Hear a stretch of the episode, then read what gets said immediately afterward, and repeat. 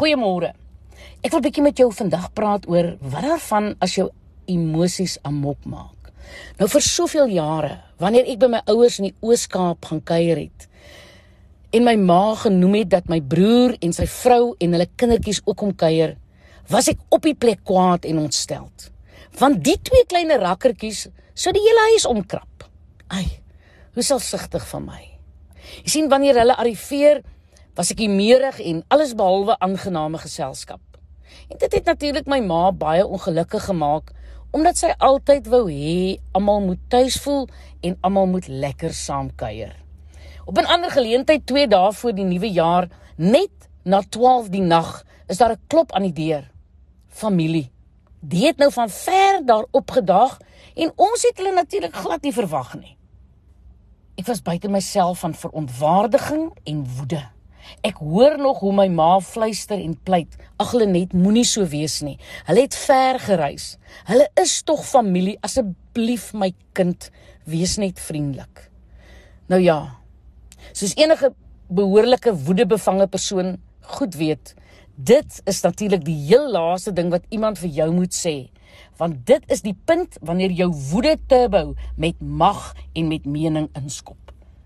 Maande later het my ma my eendag gevra of ek myself al ooit afgevra het waarom ek altyd ontsteld en kwaad word wanneer mense kom kuier. Nou hierdie vraag het my uitgebul. Want ek het nooit daaraan gedink om te wonder waarom ek so kwaad word nie. Maar dit het my laat dink. Ek het besef dat ek altyd my obsessie wou bevredig. My trots wou laat seevier. Alles het altyd om myself gedraai. Ek het besef dat my liefde vir myself groter was as my liefde vir ander. En hierdie proses van nadenke het my laat besef hoe ek mense geweldig seer gemaak het, veral natuurlik my ma. Maar deur die liefde en die genade van God het ek deur 'n genesingsproses gegaan wat genesing vir my eie verwonde emosies meegebring het.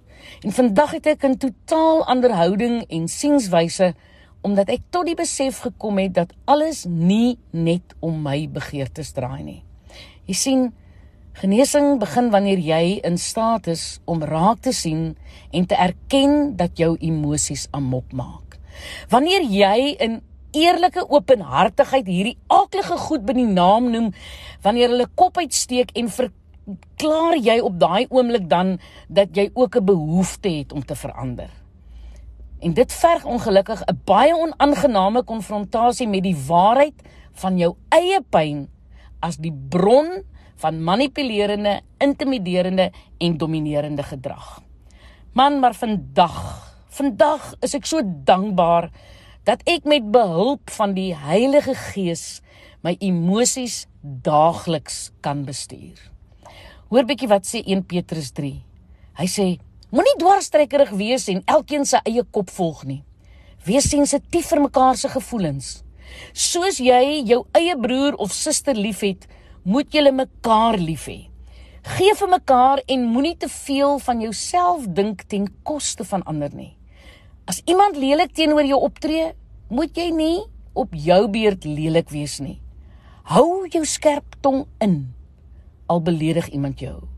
God het julle die spesiale opdrag gegee om liewer mooi te praat van ander mense en om God te vra om vir hulle goed te wees. As julle dit doen, sal julle ook van God al die goeie dinge kry wat hy beloof het. Daar staan mos geskryf: Wie van die lewe hou en die beste daaruit wil haal, moet 'n wag voor sy mond sit.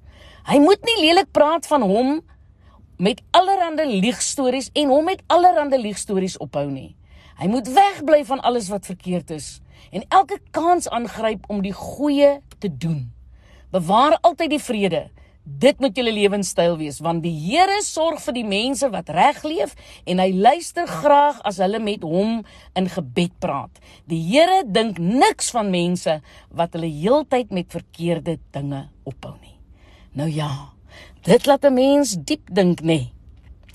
Berre maar daai ongesonde emosies wat amok maak. Ek is Lenet Beer vir Radio Kansel.